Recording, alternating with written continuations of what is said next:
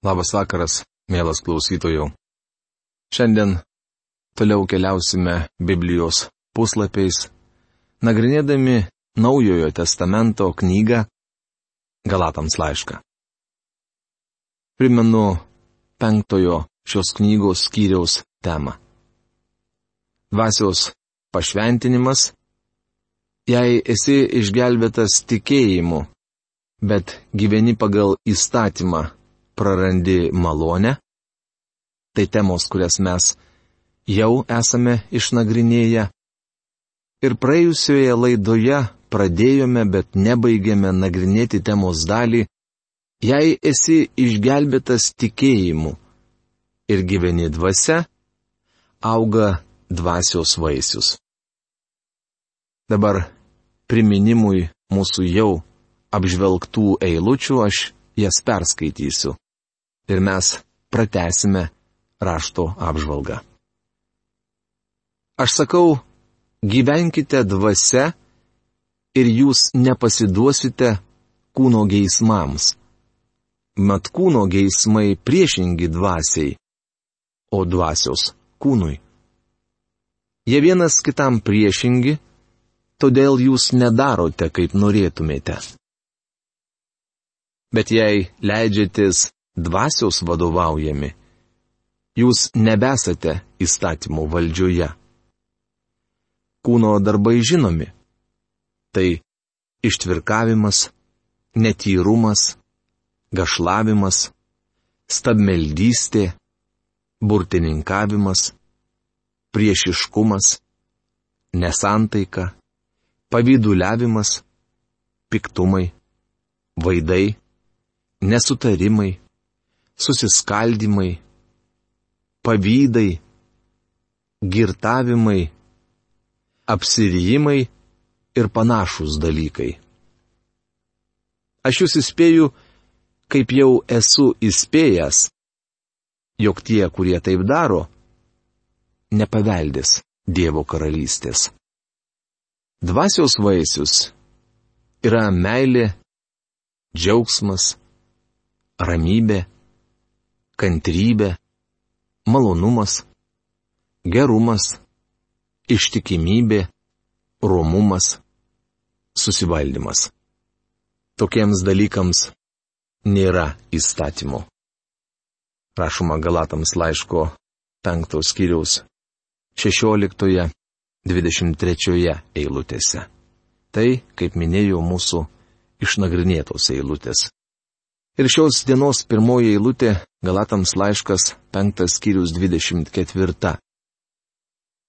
Kurie yra Kristaus Jėzaus, tie nukryžiavo savo kūnus su aistromis ir geismais. Kada kūnas buvo nukryžiuotas? Kai žmonės mano, jog mirė kartu su Kristumi, tuomet jie atsiduoda Dievui. Romiečiams laiško šeštos skyriaus tryliktoje eilutėje Paulius rašo. Ir neduokite nuodėmiai savo kūno narių, kaip nedorybės ginklų, bet paveskite Dievui save kaip išmirusiųjų atgyjusius ir savo narius kaip teisumo ginklus. Juk jūs esate mirę ir jūsų gyvenimas su Kristumi paslėptas Dieve. Rašoma kolosiečiams laiško trečios skyriaus trečioje eilutėje. Esu nukryžiuotas kartu su Kristumi. Aš gyvenu, tačiau nebe aš, o gyvena manyje Kristus. Dabar, gyvendamas kūne, gyvenu tikėjimu į Dievo sūnų, kuris pamilo mane ir paukojo save už mane. Rašoma Galatams laiško antros kiriaus 19-20 eilutėse. Visose šiuose rašto vietose išreiškiama mintis, jog kai Kristus buvo nukryžiuotas, tuo pat metu buvo nukryžiuotas ir tikintysis.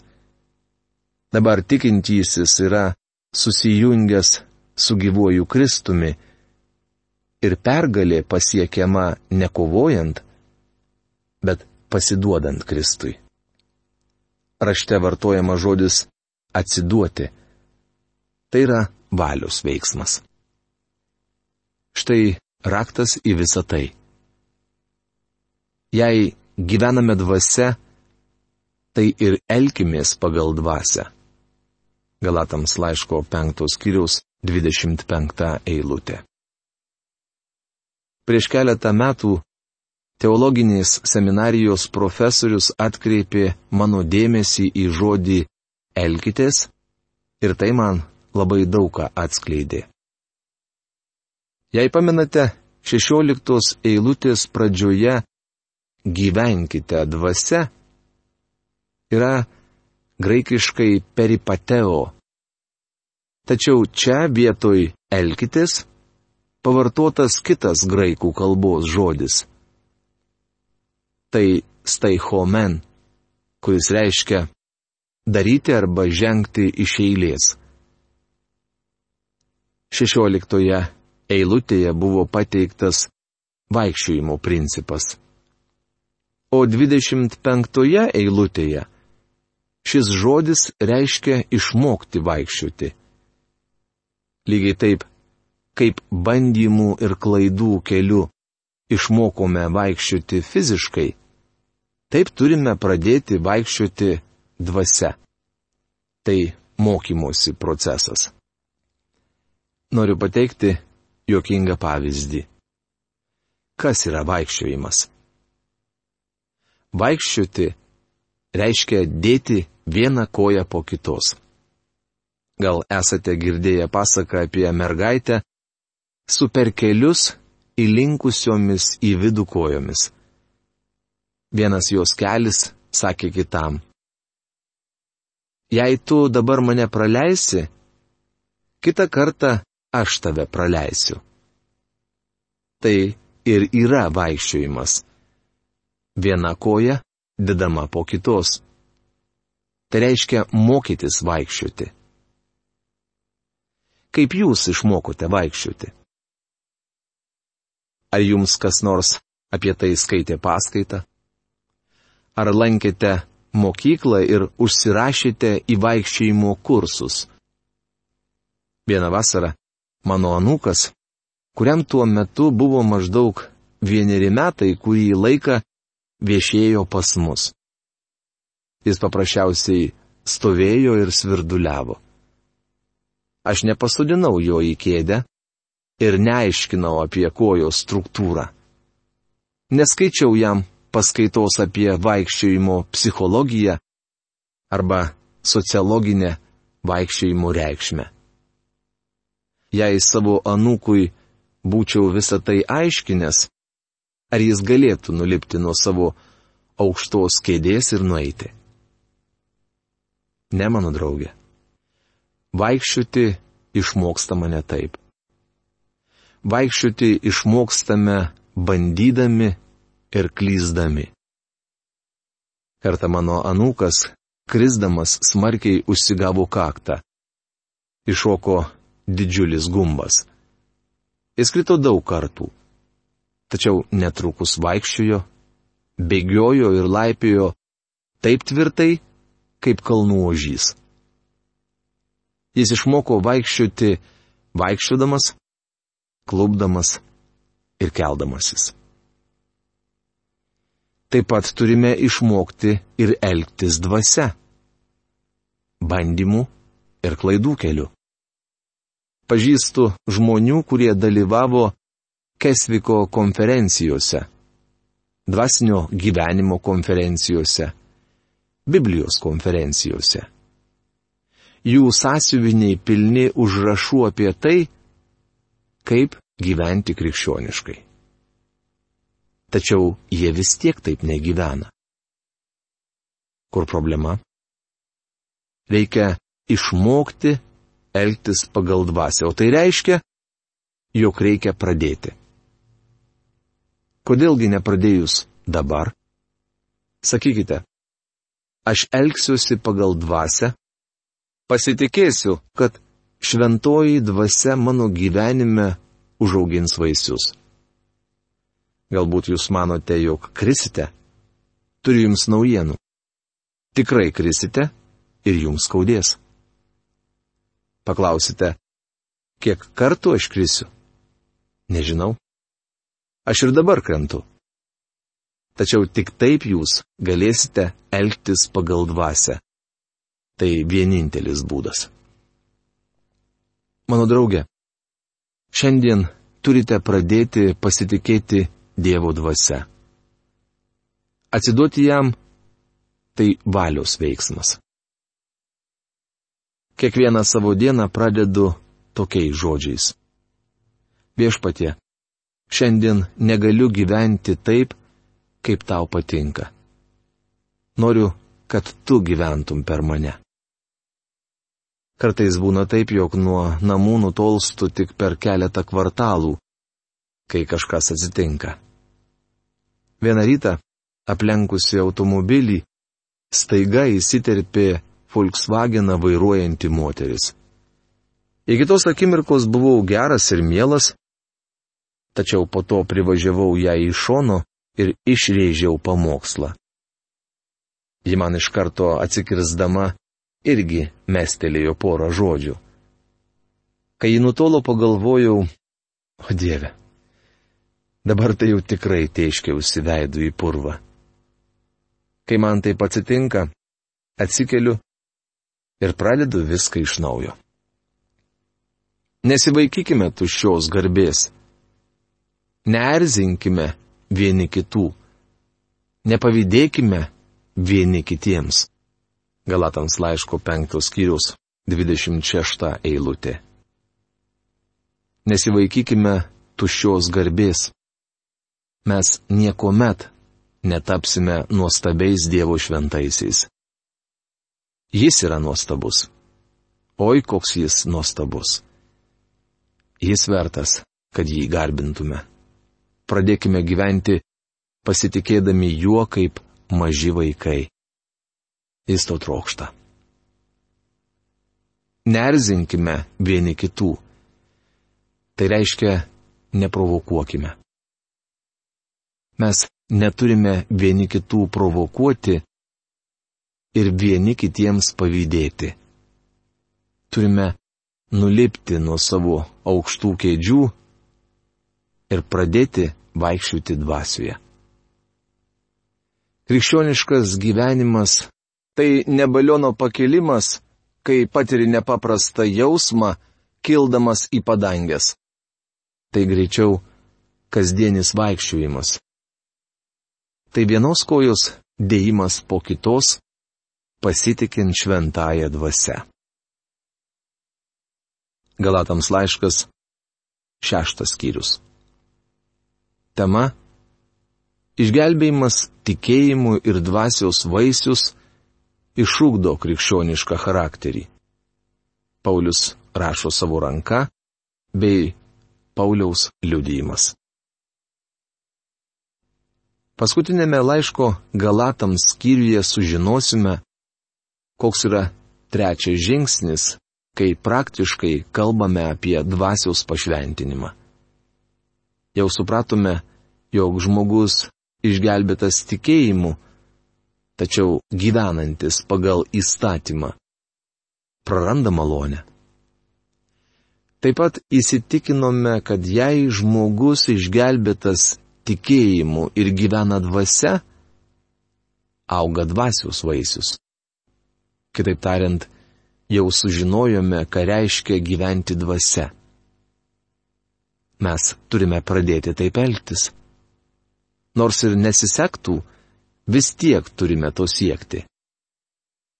O netrukus pamatysime, kaip mūsų gyvenime ima aukti dvasios vaisius. Nagrinėdami šį skyrių suvoksime, kaip dvasios vaisius gali užaukti mūsų gyvenime. Išgelbėjimas tikėjimu ir dvasios vaisius išūkdo krikščionišką charakterį. Broliai, jei kuris žmogus būtų pagautas nusikaltęs, jūs, dvasios žmonės, pamokykite tokį romiai. Bet žiūrėk, kad ir pats neįpultum į pagundą. Galatams laiško šeštos skyriaus pirmą eilutę. Kas yra tas šioje eilutėje paminėtas žmogus? Tai bendras terminas, kalbantis apie bet kurį krikščionį - vyrą ar moterį. Žodis nusikaltęs kilęs iš graikų kalbos žodžio paraptoma. Reiškia nukrypęs į šalį arba tas, kuriam nepasisekė. Kitaip tariant, suklupęs.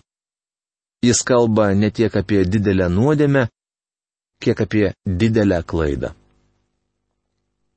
Ką reikia daryti su žmogumi, kuris pagaunamas nusikaltęs?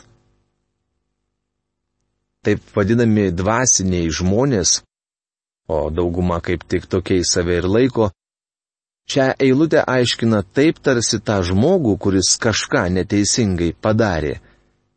Reikėtų mušti beisbolo lasdą per galvą. Kila pavojus, kad iš tiesų to žmogaus nenorime pataisyti. Mums labiau patinka jį kritikuoti ir pasmerkti. Tačiau nusidėjęs tikintysis nepraranda savo išgelbėjimų. Jei krikščionis pagaunamas nusikaltęs, dvasinis žmogus turi jį pamokyti romumo dvasioje. Romumas - vienas iš dvasios vaisių. Šioje eilutėje pavartotas žodis nusikaltęs yra tas pats žodis, kuris buvo pavartotas aprašant viešpati Jėzų Kristų Getsemanės sode, kuomet jis parpuolė kniupščias ir meldėsi. Apie tai galite perskaityti Evangelijos pagal Mata 26 skyriaus 39 eilutėje. Jis reiškia suklupti. Jei žmogus pagaunamas nusikaltęs, vadinasi jis suklupo. Jis galbūt padarė mažą nuodėmę arba didelę apmaudžią klaidą. Pranašystėje apie viešpatį Jėzų Izaijas sako nuostabų dalyką. Izaijo knygos 63 skyriaus 9 eilutėje parašyta. Taip jis tapo jų gelbėtoju ir dėl visų jų nelaimių buvo nelaimingas. Nekoks pasiuntinys ar angelas, bet jo artumas išgelbėjo juos, iš meilės ir pagailos atpirko juos. Jis globojo juos ir nešė nuo amžių per visas dienas. Geresniuose rankraščiuose parašyta, visų jų nelaimė jis nebuvo paliestas. Toks vertimas man daug labiau patinka.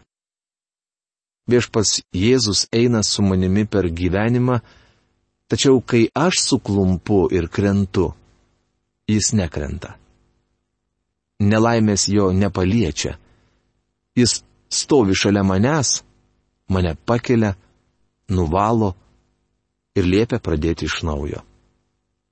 Kokia paguoda žinoti, kad šalia manęs yra tas, kurio mano nelaimės nepaliečia. Šioje eilutėje pavartota žodis pamokyti yra veiksmažodis, kuris reiškia sudėti sulūžusi kaulą. Kaip elgsitės, jei žmogus pargriūva ir susilaužo koją? Ar nueisite šalin ir paliksite jį kentėti? Dievas sako, jūs, dvasio žmonės, sudėkite sulaužytą kaulą. Vėl pastatykite jį ant kojų. Tai turi būti padaryta romumo dvasioje. Vienas iš garsių pamokslininkų, prieš tai buvęs girtuoklis, stebuklingai atsivertė. Jo tarnavimas buvo gana įtemptas ir net laikęs didelio spaudimo ir pagundų. Vieną vakarą jis pasigėrė.